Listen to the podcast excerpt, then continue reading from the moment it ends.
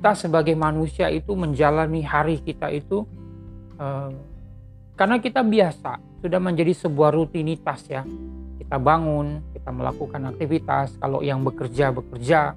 Yang berbisnis berbisnis. Yang sekolah sekolah. Itu sudah menjadi hal yang biasa. Bentar ya. Pagi-pagi tuh pita suara tuh agak nempel ya makanya dulu kalau apa kami kalau uh, pelayanan ibadah hari Minggu pagi itu kalau yang pagi itu biasanya ada doa pengawalan itu menyanyi. Supaya apa? Ya kalau yang singer atau WL itu kita suaranya agak apa uh, terbuka. Nah kayak gini nih. Ya oke okay. uh, kita menjalani aktivitas dan kita menjalani hari karena biasa kita lalui kadang kita nggak kita nggak menyadari bahwa hmm, bahwa sebenarnya waktu kita menjalani kehidupan itu sebenarnya itu adalah anugerah. Ya itu adalah anugerah. Makanya kita perlu menyadari membandingkan saja. Ada orang yang bangun pagi nggak bisa beraktivitas seperti anda seperti kita ya. Berarti kita kalau bisa berarti kita diberikan anugerah. Kalau gitu mereka enggak diberikan juga tapi setiap manusia itu unik di mata Tuhan. Kita masing-masing itu punya porsi yang berbeda. Makanya makin lama kita percaya kepada Tuhan Yesus as a become a believer, not only just a Christian. Ya, bukan hanya agama, tetapi percaya kita itu yang makin terus makin berkembang, makin berkembang. Karena itulah kita diberi anugerah waktu. Ya. Jadi Eh, kita masing-masing diberi porsi kok. Kalau begitu, kalau kita sudah tahu ini, tidak akan kita berusaha untuk iri dengan orang lain. Enggak. Itulah pengenalan kita dalam kekristenan. Itulah Bapa kita. Kita selama ini bicara tentang natur Allah, ya, natur uh, Yesus, natur Roh Kudus. Untuk apa itu semua Pak Gembala? Supaya kalau kita mengerti kita bisa paham natur dari Allah kita, kita tidak akan punya kekeliruan lagi menilai. Ya, puji nama Tuhan. Bagi Anda yang baru pertama, kalau saya nggak pesan sponsor ini bisa terus saya sampai habis ya. Oke, bagi Anda yang baru pertama menemukan Jakom Channel, mari dukung pelayanan kami, subscribe, nyalakan lonceng, klik semua, beri jempol, uh, komen. Di dalam komen Anda bisa sampaikan Anda dari negara mana, dari kota mana, ya. Kalau Pak Erik saya sudah tahu dari Tangerang, ya. Ibu Elisa Tarigan saya sudah tahu dari Malaysia. Ah, iya. Satu lagi, Pak. Ah, Ibu Esther dari Bali, ya. Saya tahu ini orang-orang yang susah masuk di Zoom, masuknya ke YouTube. Ya, nggak apa-apa, puji Tuhan. Yang penting dukung ya, bagikan video ini, bagikan uh, message ini dan di komen Anda bisa tulis dari negara mana, kota mana untuk membuat kami makin semangat ya. Dan juga Anda bisa uh, apa di uh, apa yang Anda mau sampaikan silakan di komen. Tapi kalau Anda ingin ada pokok doa yang ingin Anda uh, didukung dalam doa ada dua cara. Ada nomor WA di bawah, Anda bisa ketik di situ dan Anda bisa kasih kurung di belakang uh, pribadi itu berarti Anda mau didoakan pribadi, jadi tidak secara live ini. Dalam saat teduh itu, bagi Anda yang mengikuti di YouTube, mungkin Anda kurang mengerti, kurang tahu, ya kami mulai lebih awal ada doa, ada pokok-pokok doa yang memang uh, didoakan secara pribadi, ada. Tetapi kalau Anda tidak memberi kurung pribadi, saya akan doakan bisa jadi sebelum doa berkat di akhir saat teduh, bisa. Itu cara pertama. Cara kedua, masuk ke dalam website KIR, itu ada uh, pokok doa. Anda bisa klik di situ, Anda tulis nama, uh, kota, kemudian uh, nomor WA segala macam terus pokok doa. Anda tulis sama juga kasih kurung pribadi, berarti saya akan doakan sebelum saat teduh. Atau kalau Anda buka tidak ada itu, saya akan doakan bisa sebelum atau pas di saat teduh. Ya, tergantung Roh Kudus bawanya bagaimana.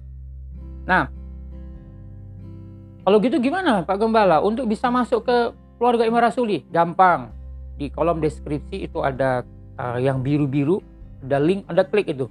Anda klik akan Anda langsung masuk ke grup Telegram keluarga Imam Rasuli. Banyak informasi di sana. Anda silakan uh, begitu masuk, jangan langsung beraktivitas di situ. Baca dulu welcome statementnya itu. Ya, baca dulu gitu sampai selesai baru. Jangan Anda belum baca, Anda udah komen mau nanya. Nanti adminnya bilang, lah adalah iya toh iki. Udah ada welcome statement segitu panjang gak dibaca. Ya jadi baca dulu begitu anda masuk ya baca dulu welcome statementnya apa apa apa. Jadi apa yang anda butuhkan anda oh ini ternyata ada di sini. Oke tinggal klik. Puji nama Tuhan. Mari kita lanjut. Oke uh, sampai mana tadi itu ya Ya, saudara, uh, makin lama kita belajar firman itu, uh, selain kita mendapat pengetahuan, ya, pengetahuan itu penting, Pak Gembala. Oh, penting sekali. Ya, Anda perlu belajar. Pengetahuan itu penting. Dan kita juga makin lama makin mengenal siapa Tuhan kita. Siapa Allah kita? Bagaimana sih firman yang menjadi manusia itu? Pribadi Yesus tuh gimana sih? Roh Kudus yang diberikan itu sebagai penolong gimana sih? Makin lama kita belajar di dalam saat teduh, kita udah 372 hari. Ya, sudah satu tahun lebih. Tidak terasa memang. Di dalam saat teduh keluarga Ima Rasuli, Jiakom Channel, Anda bisa ikuti dari yang nomor satu sampai yang ke 372. Kenapa begitu Pak Gembala? Karena tidak putus.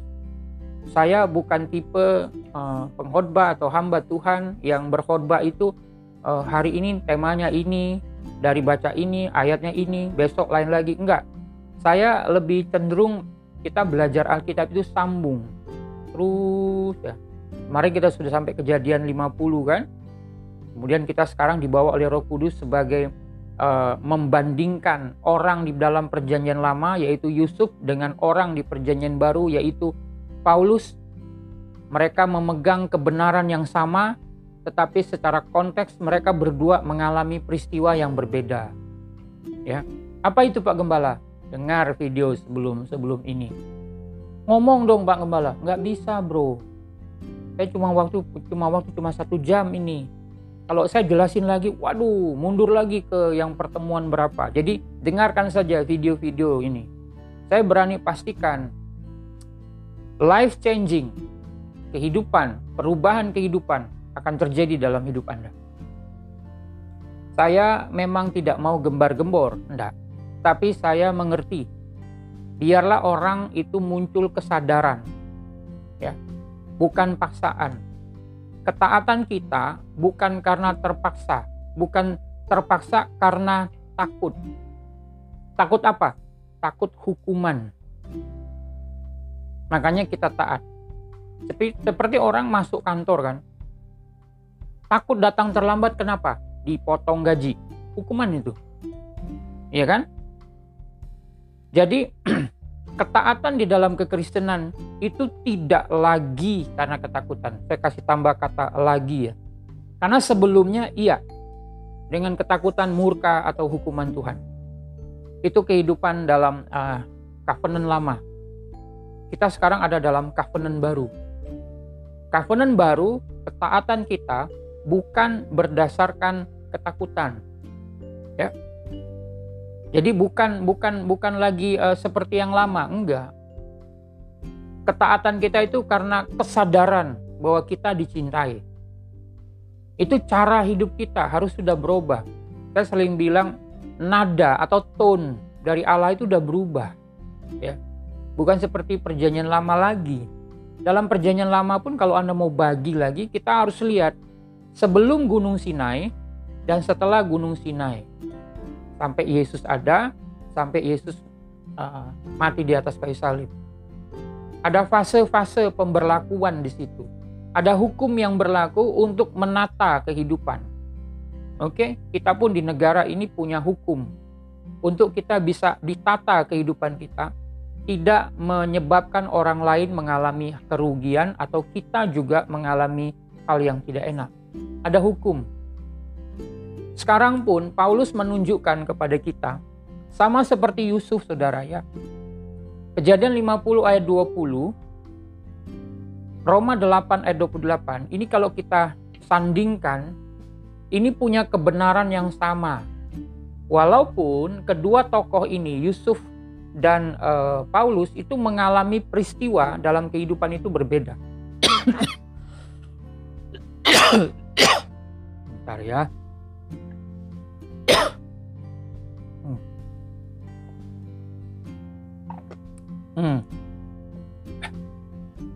Haleluya. Ya. Jadi kebenaran yang dipahami oleh Yusuf dan kebenaran yang dipahami oleh Paulus itu sama. Tetapi peristiwa yang terjadi dalam hidup mereka sampai mereka punya cara pandang terhadap Allah itu seperti itu itu berbeda. Nah, tapi kebenaran yang mereka pegang sama menunjukkan bahwa Allah kita sama. Allah yang disembah oleh Yusuf dan yang disembah oleh Paulus yang disembah oleh kita itu sama, tidak berubah. Alkitab tidak pernah berbohong.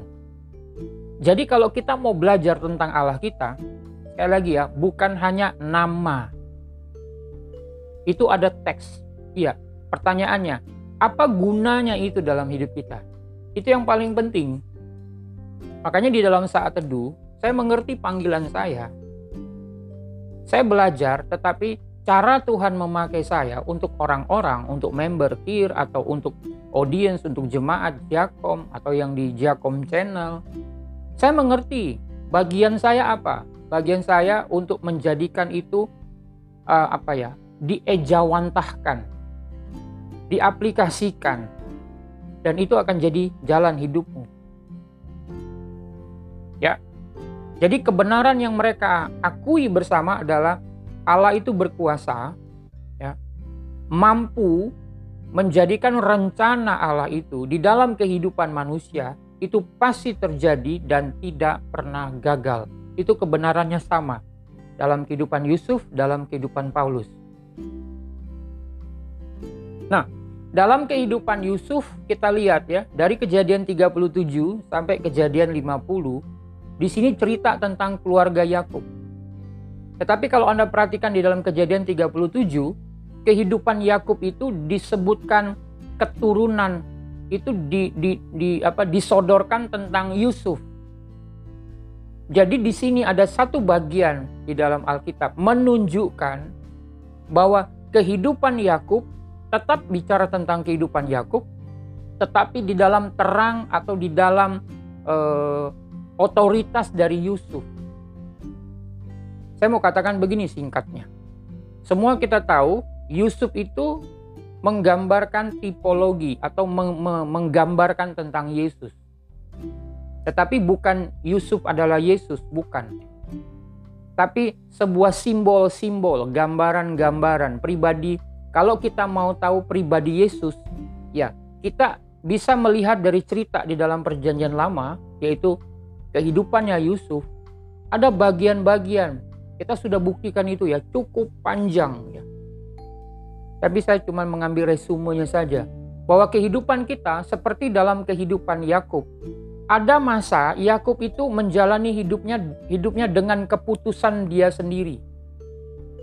Banyak trouble di situ. Tetapi begitu kejadian 37 sampai 50, kehidupan Yakub ada di dalam kendali Yusuf. Gambarannya kita pun pernah hidup dengan suka-suka kita, dengan pikiran kita sendiri, dengan perasaan kita sendiri, dengan feeling kita sendiri. Tetapi sekarang, begitu Anda percaya kepada Tuhan Yesus sebagai Tuhan dan Juru Selamat, menggambarkan kehidupanmu ada di tangan Yusuf rohani, yaitu Yesus. Dan Yusuf pun mengalami life changing, perubahan dalam kehidupan. Apa sih Pak Gembala? Dia nggak jahat lagi terus jadi baik? Bukan. Sama-sama kita sudah tahu, saya sudah pernah bicarakan bahwa Yusuf tidak ada satu orang pun. Tidak ada orang Kristen yang berpikir, punya ide, bahwa Yusuf itu menggambarkan orang jahat. Enggak, enggak ada. Tidak ada satupun. Tapi kok ada perubahan kehidupan? Ya. Apa itu? Arogansi. Dari awal dia menyampaikan mimpi itu, Amplified Bible menegaskan dia menyampaikannya itu dengan arogan. Bagi saya, saya pikir ya anak umur 17 tahun disayangi, dia menyampaikan mimpinya dengan mungkin Yusuf gembira begitu, tetapi kakak-kakaknya dengan kebencian dan iri hati yang sudah ada karena perlakuan orang tuanya itu menjadikan mereka punya niat jahat. Yusuf mungkin gembira aja, dia mandang ini kan kakak-kakakku. Ini kan orang tuaku. Ya udah saya ngomong aja. Itulah dalam keluarga kan. Kita maunya itu keterbukaan, cair, tapi jangan sampai ada salah berpikir tentang saudara kita. Ya, itu tentang rumah tangga. Oke. Nah, sekarang singkat cerita, ada masa lalu yang mau dilupakan oleh Yusuf. Oke? Kita tahu itu, kita sudah belajar, udah lewat. Anggap aja ini kalau Anda dengar lagi ini bonus. Ya, bonus untuk mengingatkan kembali. Pada waktu dia memberi nama Manasye dan itu artinya adalah Allah membuat aku melupakan. Dan saya sudah jelaskan dari bahasa aslinya dan segala macam bahwa yang memampukan Yusuf untuk melupakan masa lalunya itu bukan dengan kekuatan kemampuan dia, bukan. Tetapi Allah. Saya gambarkan itu. Masa lalunya itu digambarkan seperti uh, sesuatu yang harus diremukkan, dihancurkan. Dan yang lakukan itu adalah Allah. Makanya dia bilang, mana sih anaknya? Yang pertama, untuk menunjukkan sebenarnya dia ada kebencian dia ada dendam dengan saudara-saudaranya. Dari mana kita tahu? Kejadian 42 di bagian tengah di situ Anda lihat. Setelah mereka kakak-kakaknya itu dipenjara tiga hari, apa yang mereka bicarakan satu dengan yang lain? Mereka mengingat jeritan jiwa. Bayangkan ya, bukan jeritan suara, jeritan jiwa. Jiwa itu pikiran dan perasaan loh. Jadi dijelaskan mereka itu menangkap jeritan jiwa Yusuf yang tidak terima perlakuan itu. Dia menderita, saudara. Dalam uh, kisah para rasul 7 itu menunjukkan proses yang dialami oleh Yusuf itu dikatakan penderitaan. Berapa lama itu Pak Gembala? 13 tahun. Dan Anda bisa bayangkan ya, dia dia kalau mau dibilang dia bisa nggak membalas kepada kakak-kakaknya? Bisa. Orang dia pemimpin kok. Perdana menteri orang kedua di Mesir yang menguasai dunia. Tapi kalau kita menunjukkan waktu dia melihat mereka dia kenal tapi mereka nggak kenal lagi dia. Apa yang dia lakukan? Dia tunduk kepada Tuhan. Susah Pak Gembala. Susah. I been there. Saya pernah juga begitu. Perlu proses waktu ya perlu proses waktu. Saya bisa ketawa begini karena saya lalui itu. Sebelumnya saya nggak paham. Tadi yang saya bilang, kita menjalani hari-hari itu karena memang itu kebiasaan kita tiap hari. Kita nggak tahu bahwa ada Tuhan di situ. Saat teduh ini mengingatkan Anda, setiap hari Anda melangkah dalam hidupmu. Ada Tuhan di situ, ada Yesus di situ. Itu tugas saya. Dan banyak orang yang saya lihat kehidupannya berubah. Tapi mereka nggak keluar-keluar kok. Kenapa? Karena saya nggak pernah keluar-keluar. Yang penyampai pesannya begini ya, yang menerima pesan juga jadi begitu. Ada banyak orang-orang di KIR itu yang berubah. Bahkan admin nggak tahu. Karena komunikasinya cuma pribadi ke saya. Dan bagi saya, biarlah waktu yang akan membawa mereka untuk menceritakan itu kepada banyak orang. Kenapa? Kalau terlalu cepat diceritakan, saya yang akan sombong, saya yang akan diagungkan. Saya pernah bilang begini, kalau Anda punya pendeta, kalau Anda punya gembala, nggak usah sanjung dia. Anda sedang mendorong dia ke pinggir jurang, sebentar lagi jatuh. Oke? Banyak orang yang sudah mengalami perubahan. Saya tahu itu karena ada kontak pribadi. Dan bagi saya, biarlah waktu yang akan dipakai untuk mereka akan menceritakan itu. Yusuf tidak mampu, saudara. Dia punya dendam, ya. Alkitab menunjukkan kok, walaupun hanya satu ayat itu, kejadian 42 itu, tapi di situ kita melihat apakah Yusuf menerima saja perlakuan kakak-kakaknya. Tidak. Dan dia bergumul bagaimana apa yang terjadi. Dia mengerti hanya Allah yang mampu menolong dia untuk merimove duka dan sakit hatinya. Kenapa? Kalau tidak kita mengizinkan Allah, kalau kita sekarang Roh Kudus, Anda akan punya dendam kesumat yang tidak akan pernah berakhir. You cannot enjoy your life, brother. You cannot enjoy your life, sister. You cannot enjoy your life, oma, opa, om, dan tante. Cannot. Kenapa? Guilty feeling itu akan menuduh Anda terus-menerus. Dendam itu akan terus dipakai oleh iblis, iblis untuk menggosok istilah Sulawesi itu digosok terus. Ya. Sekali lagi, hanya Tuhan yang disadari oleh Yusuf mampu melakukan itu. Manasye, Allah membuat aku melupakan, bukan dia melupakan dan dia menantikan waktu Tuhan. Dan akhirnya kejadian 46 kan, dia teriak. Dia menangis dengan begitu gembira. Kenapa? Karena dia di balik dendamnya, Tuhan memakai dia untuk menghibur kakak-kakaknya. Keren loh. Kalau kita kalau dendam apa yang mau kita lakukan? Pukul, tempeleng, bunuh kalau bisa. Betul? Saya juga pernah ada di situ kok. Jangan Anda berpikir saya pendeta itu. Enggak. Saya berani bilang kelemahan saya. Untuk apa? Untuk Anda bisa melihat hebatnya Tuhan. Hebatnya Tuhan saya, yaitu Tuhan Anda juga. Hmm? Hmm. Akhirnya kita lihat kejadian 20 eh kejadian 50 eh 20 ayat 21 dia mengucapkan kata-kata itu penghiburan. Dia menghibur seorang yang punya masa lalu buruk mau dibunuh oleh kakak-kakaknya. Eh sekarang dibalik karena dia membiarkan Tuhan bekerja dalam hidupnya. Akhirnya dia yang menghibur. Nggak masuk akal kan? Iya, kekristenan itu penuh dengan kemustahilan. Makanya hari ini mikirnya, eh makanya hari ini temanya mikir yuk. Kenapa saya bilang mikir yuk? Anda bisa cari di referensi mana pun biografi tentang Paulus. Ya. Paulus itu mengenal mengenal Allah. Dia belajar. Dia dikirim dari muda itu ke ke kampus Tiranus diajar oleh Gamaliel. Tujuannya apa? Untuk jadi Yahudi beneran itu. Ya, saya baca ada satu lagi referensi yang saya dapat saya baca tentang saya cari biografinya. Kenapa? Karena saya mau sampaikan kepada Anda Paulus pun sedang melakukan sama seperti Yusuf di ayat Kejadian 50 ayat 21. Apa? Karena kita sedang bicara kitab Roma. Dia sedang mau menghibur jemaat Roma.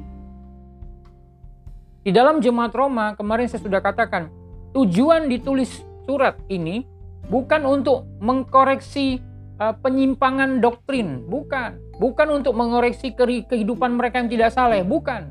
Tetapi Paulus mau mengajarkan doktrin Injil kasih karunia. Apa itu, Pak? Pak Gembala?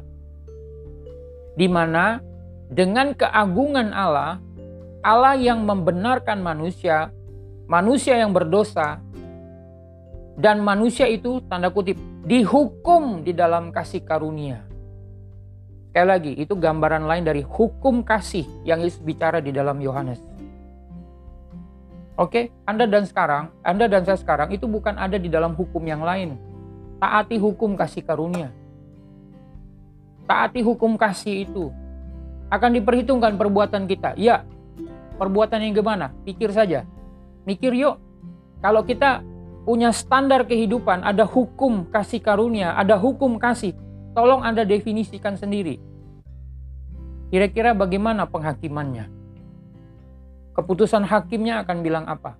Nah, Paulus memberi penghiburan kepada orang-orang di Roma kita dibawa dalam Roma 8 ayat 28. Sekali lagi, Roma 8 tadi malam, Anda nonton video yang tadi malam ya, flow. Satu jam setengah. Itu padat. Silakan Anda nonton. Kalau saya ulang panjang, Anda nonton saja. Saya mau bilang begini, Paulus sampai kepada ayat yang ke-28 kejadian 8 itu tidak pernah lepas dari Roma 1 terus nah hari ini saya mau saya mau uh, tambahkan kepada kita satu bagian saja besok hari Minggu dalam ibadah raya jam 8.45 kita lanjut ke IB ya tapi hari ini sebagai pembuka Paulus itu sama seperti Yusuf dia mau memberi penghiburan Kenapa sih? Ya jemaat di Roma itu ada orang yang Yahudi, ada yang memang orang Yunani. Ya kita tahu orang Yahudi itu kan sub, menunjukkan superioritas mereka. Tapi mereka percaya Yesus. Paulus sedang menghibur mereka untuk apa? Gini loh. Gini ya, makanya dia menyusun doktrinnya. Ya, Roma, kitab Roma itu saya sudah jelaskan kemarin, pasal 1 sampai pasal 11 itu dia memaparkan doktrin Injil kasih karunia itu. Dia memaparkan kasih karunia itu. Pasal 8 itu ada di dalamnya. Berarti pasal 8 Paulus sedang membagikan pemahaman cara berpikir dia terhadap Yesus. Terhadap Bapa.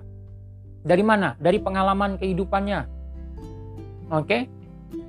Kemudian pasal 12 sampai pasal 16 itu berbicara tentang prakteknya dalam kehidupan. Aplikasinya gimana? Anda bisa cari di uh, literatur lain, para penulis-penulis, para teolog juga akan membagi dengan cara lain. Ya, surat uh, kitab Roma ini bisa, tidak masalah. Tergantung orang yang menulis diberi inspirasi gimana oleh Roh Kudus. Itu pun menolong kita. Tapi kalau Anda mau menemukan sendiri, silakan Anda gali. Tapi bagi saya kalau sudah ada ya saya baca aja. Dan saya mengerti, oh iya benar. Oke, saya setuju, saya setuju. Gitu. 1 sampai 11, 12 sampai 16. Nah, mari kita lihat Paulus pun ya dia punya pengalaman kehidupan dan pada akhirnya dia berubah cara berpikir dia tentang Allah. Sebelumnya, dia mengerti Allah itu memerintahkan dia untuk memusnahkan pengikut Yesus. Dia sedang melakukan apa ya saya bilang? Pelaksanaan di dalam agama Yahudinya. Ternyata itu keliru. Jadi begini, Anda dan saya belajar nih, belajar Alkitab. Tapi tolong pandang Allah Tritunggal yang Maha Kudus itu dengan benar Oke? Okay? Salah satunya dengerin saat teduh. Saya nggak bisa mengajar dengan dengan sedemi enggak, saya, karena saya panggilan saya gembala, saudara. Jemaat bisa rontok kalau tiap pertemuan gembalanya marah-marah melulu. Intonasi suaranya full. Pastor Daniel bisa rontok. Pastor Ever Pastor Eko, Pastor Lia, bisa rontok mereka. Makanya ya dengarkan saat teduh lah untuk mengimbangi. Supaya anda nggak sepaneng terus. Stres anda. Jamin deh. Orang yang kerja sedemikian membutuhkan hari libur kan. Makanya weekend kayak begini quality time. Come on, quality time bro. Bapak Ibu, quality time. Ya, jangan pantengin terus tuh laptop, jangan pantengin terus tuh HP. Ayo, quality time. Ketemu juga yang bukan mesin. Siapa? Ya orang-orang lah. Anda kan laptop terus Anda panteng. HP terus. Weekend itu ketemu yang bukan mesin. Ya, biar batin dan otakmu itu juga nggak stres. Oke? Okay? Aduh, masa yang begitu harus diingetin Pak Gembala? Oh iya, gembala itu harus mengingatkan. Paham saudara? Ya. Mari kita lihat ya. Paulus pun mengalami cara pandang yang pernah keliru. Dan dia dengan kerinduan hatinya, dia ingin orang-orang baik itu yang uh, Yahudi sudah jadi percaya Yesus atau yang Yunani, yang proselit itu, dia mau mereka tidak mengalami cara berpikir seperti dirinya. Dan dia mengalami kesulitan. Seorang rasul loh. Keren kan? Kalau kita nih, masa pendeta besar ngalamin begitu. Ingat bro, pendeta juga manusia. Ada lagunya kan. Rocker juga manusia. Punya rasa, punya hati. Jangan samakan dengan pisau belate. Nah, kan gitu. Nah, itu lagu rock. Ya. Itu sering dinyanyikan di gereja dulu. Kalau pendeta, pendeta juga manusia. Punya rasa, punya hati. Jangan samakan dengan pisau belati. Ya kan? Masa Anda mau lihat pendeta Anda tiba-tiba mati stroke? Serangan jantung. Kenapa? Tahan-tahan terus.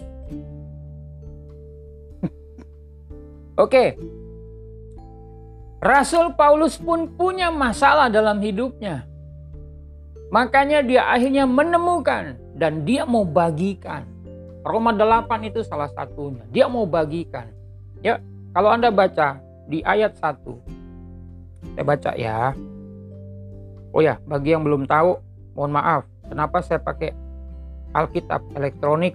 Karena uh, mata saya. Ya, mata saya tidak uh, mampu untuk melihat Alkitab lembaran. Jadi jangan Anda bilang, wah ini pengaruh setan lagi. Enggak, jangan ya. Kita bersyukur dengan teknologi itu ditolong. Kita manusia itu ditolong. Oke, saya baca dulu. Ya, ayat 1 ya. Roma 8 ayat 1. Demikianlah sekarang. Nah, Anda bayangin ya, ayat 1 tiba-tiba demikianlah sekarang Paulus ini ngomong apa sih?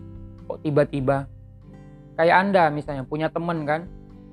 Begitu ketemu, jadi Anda bingung nggak? Anda menjadi orang lain yang nggak ngerti nih temanmu berdua ini, begitu ketemu di kafe langsung. Jadi Anda yang orang ketiga mungkin, Hah? apa sih? Maksud lo apa sih? Nggak ngerti saya. Ah, itulah kamu ketinggalan sih kurang gaul sih kamu. Sama di sini. Tiba-tiba ayat 8 eh Roma 8 ayat 1. Demikianlah sekarang lah. Berarti ini semacam kesimpulannya. Ya iya dong. Kan saya sudah pernah jelaskan. Alkitab kita ini tidak pernah yang aslinya itu dokumen aslinya nggak pernah ditulis nomor pasal, nomor ayat enggak. Dia sambung menyambung menjadi satu. Itulah Indonesia. Ya, jadi saudara, nah, kalau saya bilang ngomong jadi berarti ada yang sebelumnya yang saya kita bicarakan. Di sini pun sama.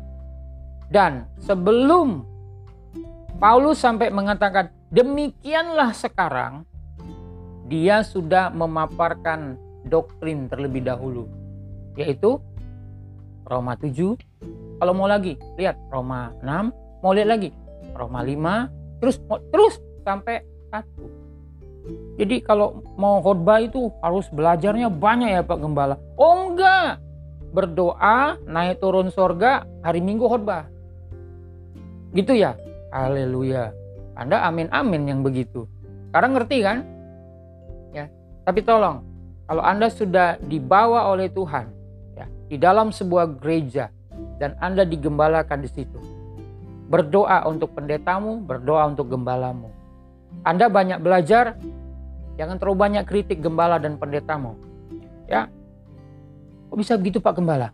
Dia tuh nggak pernah belajar loh Pak Gembala. Saya bilang, oh, oh, betul. Pertanyaannya begini bro, Bapak Ibu. Kalau kamu yang pintar, kamu tahu kamu lebih pintar dari pendeta dan gembalamu. Iya kan? Oh iya bu, saya ada di kir loh. Pak Arino nggak tahu. Saya tuh rajin di kir. Saya ikut semua. Saya ikut kuliah malah. Oh bagus, puji Tuhan.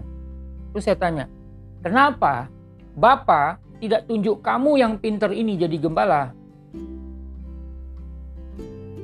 Kasih argumen sama saya dulu. Para apologet. Kenapa? Hmm? Tenang sejenak.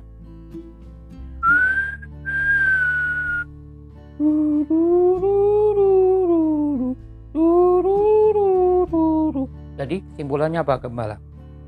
Tundukkan dirimu dan berdoalah untuk gembala pendetamu.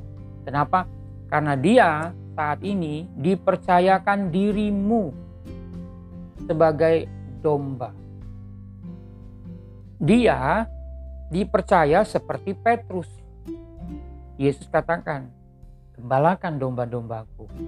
Yesus ngomongnya ke Petrus loh, bukan ke Yohanes loh. Yohanes kan yang yang menyadari dirinya aku murid yang dikasih. Kenapa Yesus nggak bilang Yohanes gembalakan domba-dombaku? Anda mengerti nggak maksud saya? Anda boleh punya banyak pengetahuan, tapi tolong ingat, Tuhan mengerti kapasitas. Saya ajarkan kepada Anda, kalau Anda sudah berjemaat di satu gereja, Anda dengar pendeta gembalamu kurang pintar, doakan dia. Jangan, ah, memang begitu, memang begitu. Saya pernah dengar tuh dikira dengan itu. Gimana ya? Gerejaku. Saya bilang, kira-kira kalau kamu nggak gereja mati siapa yang kuburin kamu? Itulah kesombongan-kesombongan yang kita lupa. Tugas saya ngingetin. Oke? Kembali doakan. Doakan pendetamu, doakan gembalamu. Gak usah benci sama mereka. Mereka juga anak yang dikasihi mereka juga belajar. Oke, cara mereka belajar mungkin berbeda dengan diri kita. Kita belajar secara akademik, tapi mungkin mereka mungkin tidak punya waktu, saudara. Mungkin nggak punya waktu mengurusi hal-hal yang suami istri ribut, pendeta yang harus turun tangan, gembala, anak begini, gembala lagi. Anda bisa bayangin, ada hantu di rumah, gembala lagi. Hmm, bayangin tuh. Jadi Paulus mengalami banyak hal dan dia mau pemikirannya itu sampai kepada kita supaya kita tidak keliru punya pikiran. Ya. Nah, tadi malam saya bacakan ini. Coba kita baca ya, Roma 8 ayat 5. Sebab mereka yang hidup menurut daging memberikan eh memikirkan hal-hal yang dari daging. Mereka yang hidup menurut roh memikirkan hal-hal yang dari roh. Permasalahan kita adalah pikiran. Saya ulangi, pikiran. Ya. Pikiran kita gimana? Itu yang akan menentukan kamu dibawa oleh daging atau kamu dibawa oleh roh. Nanti kita lanjutkan ya hari Minggu ini. Tapi saya mau bacakan kenapa Paulus sampai mengatakan Roma 8 ayat 1. Demikianlah sekarang. Berarti dia pernah menghadapi satu masalah yang sama dengan Anda dan saya hadapi. Kita lihat Roma 7. Bentar, Roma 7.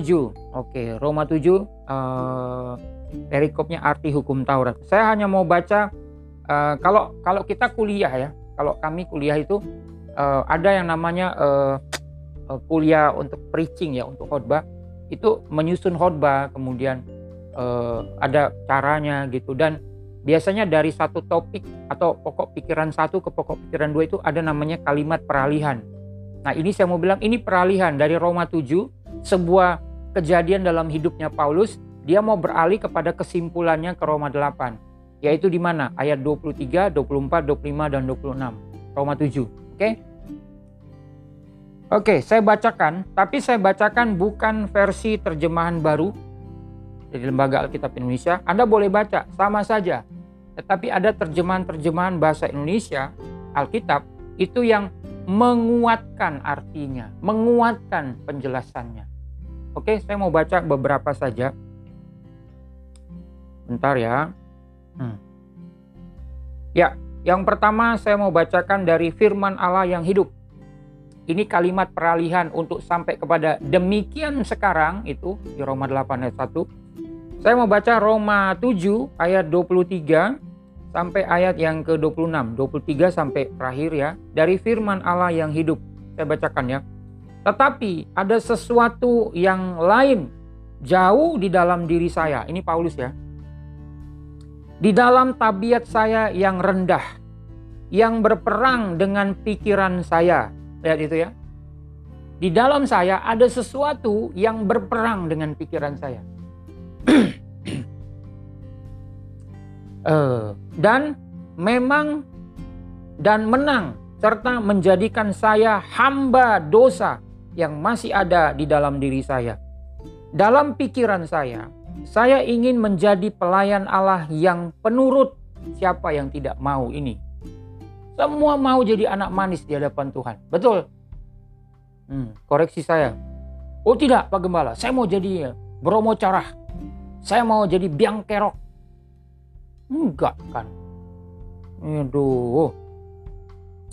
Uh, dalam pikiran saya, saya ingin menjadi pelayan Allah yang penurut. Tetapi sebaliknya, saya sadar bahwa saya masih diperhamba oleh dosa. Jadi, sekarang saudara mengerti persoalannya kan? Saya tambahkan. Dia sedang cerita ini karena dia sedang menghibur untuk kalau kamu bilang begitu, saya pun pernah ada masa seperti itu dan saya beri kamu solusinya. Hmm. Ini pandangan saya, dia mau bilang. Ini pikiranku, ambil pikiranku. Kok bisa begitu Pak Gembala? Kenapa nggak pikiran saya? Loh, yang ketemu dengan Yesus secara langsung sopo? Paulus kan? Bukan Rino. Rino diinspirasi sama roh kudus saja. Aduh. Jadi, sekarang saudara mengerti persoalannya. Hidup saya yang baru menyuruh saya berbuat benar. Hmm, orang yang lahir baru pasti mau benar. Haleluya. Tetapi tabiat lama yang masih ada di dalam diri saya gemar akan dosa. Betapa celakanya keadaan saya. Ini diakui oleh Paulus. Celaka saya. Siapa yang akan membebaskan saya dari perhambaan kepada tabiat yang rendah ini? Syukur kepada Allah, saya telah dibebaskan oleh Yesus Kristus, Tuhan kita. Dialah yang memerdekakan saya. Baru Anda baca ayat 8, ayat 1. Paham ya? Saya tambahkan lagi terjemahan sederhana Indonesia. Roma 7 24 sampai 26. Jadi, dahulu beginilah persoalan saya. Dalam pikiran, saya selalu ingin menjalankan semua peraturan dalam hukum Taurat yang diberikan oleh Allah. Tetapi karena keinginan-keinginan badani saya, saya masih diperbudak oleh kuasa dosa. Celakalah saya. Siapa yang akan menyelamatkan saya dari kuasa dosa yang ada di dalam tubuh saya dan yang menjerat saya kepada kematian rohani. Karena karena itulah saya sangat bersyukur kepada Allah karena semua yang sudah Dia perbuat bagi kita melalui Tuhan kita Kristus Yesus. Satu lagi bahasa Indonesia masa kini. Kejadian 7 24 sampai 26. Nah, beginilah keadaan saya. Saya mentaati hukum Allah dengan akal budi saya, tetapi dengan tabiat manusia saya, saya takluk pada dosa. Alangkah celakanya saya ini. Siapakah yang mau menyelamatkan saya dari badan ini yang membawa saya kepada kematian? Syukur kepada Allah. Ia mau menyelamatkan saya melalui Yesus Kristus. Demikianlah sekarang tidak ada penghukuman bagi mereka yang ada di dalam Kristus Yesus. Roma 8 ayat 1.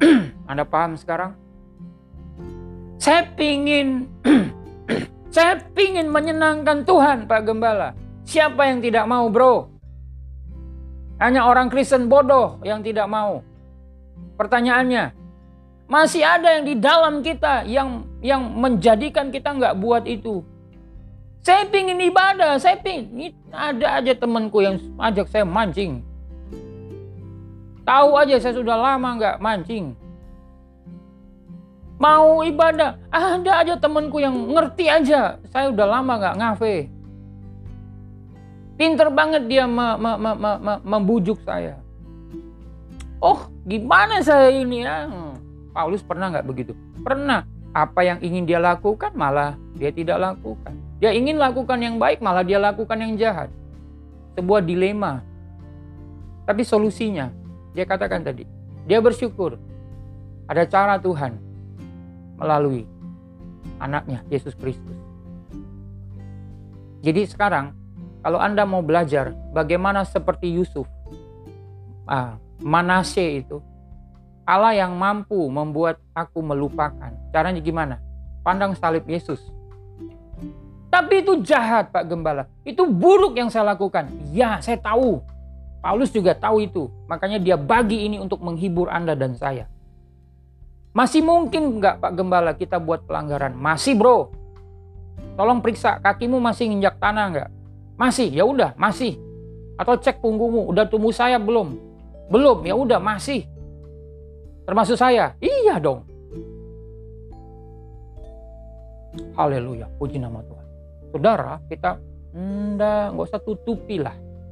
Saya cuma mau bilang, begitu kita tahu ini, kita bersyukur. Kenapa? Tuhan sedang membawa kita untuk melihat ada Bethel, ada Bethel, ada Bethel. Maksudnya apa? Ada Tuhan di situ. Kalau kita menoleh ke belakang, puji Tuhan, ada Tuhan di situ. Walaupun itu menyakitkan. Tapi kalau kita tidak melihat ada Tuhan di situ, kita kumpulkan itu akan menumpuk menjadi sebuah kebencian, Saudara. Itu yang terjadi dengan Yusuf kan? Gimana? Sekarang waktu kita menoleh ke belakang, kita lihat, duh kurang ngajar banget ya itu. Kurang ngajar itu.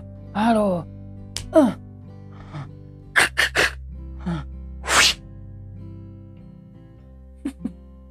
saya bisa ketawa begini. Sebelumnya waktu di situ sama, saya juga begitu. Buruknya nggak ketulungan. Tapi sekarang, begitu saya mengerti, ada salib Yesus yang menghapuskan semua itu. Saya ada di dalam Kristus. Yesus ada di dalam saya.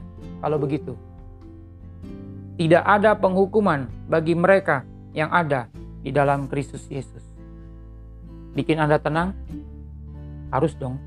Mari punya pikiran, belajar coba, punya pikiran seperti yang Alkitab katakan. Mari katakan amin dengan apa yang Alkitab katakan. Ini diri kita. Tidak ada penghukuman bagi mereka yang ada di dalam Kristus. Anda dan saya. Itu status kita. Belajar mikir seperti itu. Belajar mikir seperti itu. Mikir yuk. Yuk. Gak usah dengar orang mau bilang apa. Nih. Kalau bilang siapa yang ngomong? Paulus. Loh, saya ini hamba Tuhan milenial. Bodoh amat. Namamu nggak diktatat dalam Alkitab. Paulus punya masa lalu. Dia ceritakan di Roma 7. Dan akhirnya dia punya kesimpulan. Dia mau melakukan yang bagus, yang baik. Tapi nggak mampu dia kalahkan. Dan akhirnya dia bersyukur karena dia sadar dia ada di dalam Kristus dan Yesus ada di dalam dirinya. Kita bisa bersyukur gitu. Terima kasih Tuhan Yesus. Terima kasih untuk pengampunan. Terima kasih untuk salibmu. Terima kasih. Itu kalau Anda mau mulai memikirkan itu, Anda menjalani kehidupanmu tuh tenang. Oke, okay? Tenanglah kini hatiku. Tuhan memimpin langkahku. Di tiap saat dan ke kerja tetap ku rasa tangannya. Tuhanlah yang memimpinku tanganku dipegang teguh hatiku berserah penuh tanganku ku dipegang teguh. Ku menang, ku menang di dalam Yesus Tuhan. Ku menang, ku menang di dalam peperangan. Ku menang, ku menang atas segala setan. Haleluya, haleluya, ku menang. Itu Anda dan saya. Roma 8 di bagian bawah-bawah akan menunjukkan kita adalah orang-orang yang lebih daripada orang-orang yang menang. Bukan karena kita, bro. Bukan, tapi karena Yesus. Mau menang, kita sudah menang. Kalau Anda di rumah, di kiri kanan ada saudara-saudara yang bilang, kita orang menang, kita sudah menang, kita sudah menang. Ayo bilang, nggak ada usaha lagi untuk Anda menang. No, Anda tinggal jalani saja. Kelihatannya tembok, begitu Anda injak, rubuh, bubrak. Maju lagi, jalan. Jalan serta Yesus. Jalan aja. Kelihatannya, bro. Kenapa? Ada Yesus dalam saya bro. Bukan jadi kesombongan, tapi jadi sebuah pengertian ambil ini, firman ini di akhir pekan ini. Mari temui, mari temui selesai ini Little Jesus, Little Jesus, Kristianos, Kristianos. Siapa itu? Saudara-saudara seimanmu. Mereka yang mungkin Anda lupa. Hari ini selesai ini siapa yang digerakkan di hatimu? Telepon mereka. Telepon dia. Video call. Silakan. Saya tidak tahu. Tapi saya percaya itu salah satu cara Tuhan untuk menghibur Anda. Menghibur kita semua. Puji Tuhan. Amin untuk firman Kristus. Kita lanjut besok hari Minggu 8.45. Kita lanjut mikir yuk besok. Puji nama Tuhan. Ada berapa orang di YouTube? Wah, 2000. Saya ngerti sih kalau cuma dua. Yang lain kan ngepel apa. Oh, ya, oke. Puji nama Tuhan. Siapa ya? Oh, Pak Erik. Kalau Pak Erik Tangerang diberkati karena Pak Erik. Puji nama Tuhan pasti yang lain juga ada. Ibu Elisa Tarigan biasanya dengar uh, Tunda, Pak uh, Jepri Tarigan, uh, siapa lagi ya? Pak Andreas Octavianus, banyaklah saya lupa namanya. Yang ada di Zoom, puji Tuhan, Anda semua yang ada di Zoom, Anda adalah orang-orang yang setia dan diberkati. Saya sebut saja satu persatu, Yosafat dan keluarga, uh, Pak Tommy, uh, Ibu Luciana bersama Pak Edi, uh, Michelle, keluarga besar GBI RDP, Pak Tulus dan keluarga, Indah, uh, Oma, Pastor Ever dan Pastor Eko, Pastor Daniel dan keluarga, dan uh, Nona diberkati semua, Pak Anton, Pak Yan, orang-orang yang selalu diberkati. Yuk kita mau berdoa. Sambil saya berdoa, Anda juga sama-sama dengan saya katakan doamu, kebutuhanmu apa, sampaikan. Mari kita satu dalam doa. Bapa kami yang ada dalam kerajaan surga, kami selalu bersyukur tidak pernah Engkau membiarkan kami, Engkau tidak pernah membuat kami bingung, Engkau tidak pernah membiarkan kami sendiri.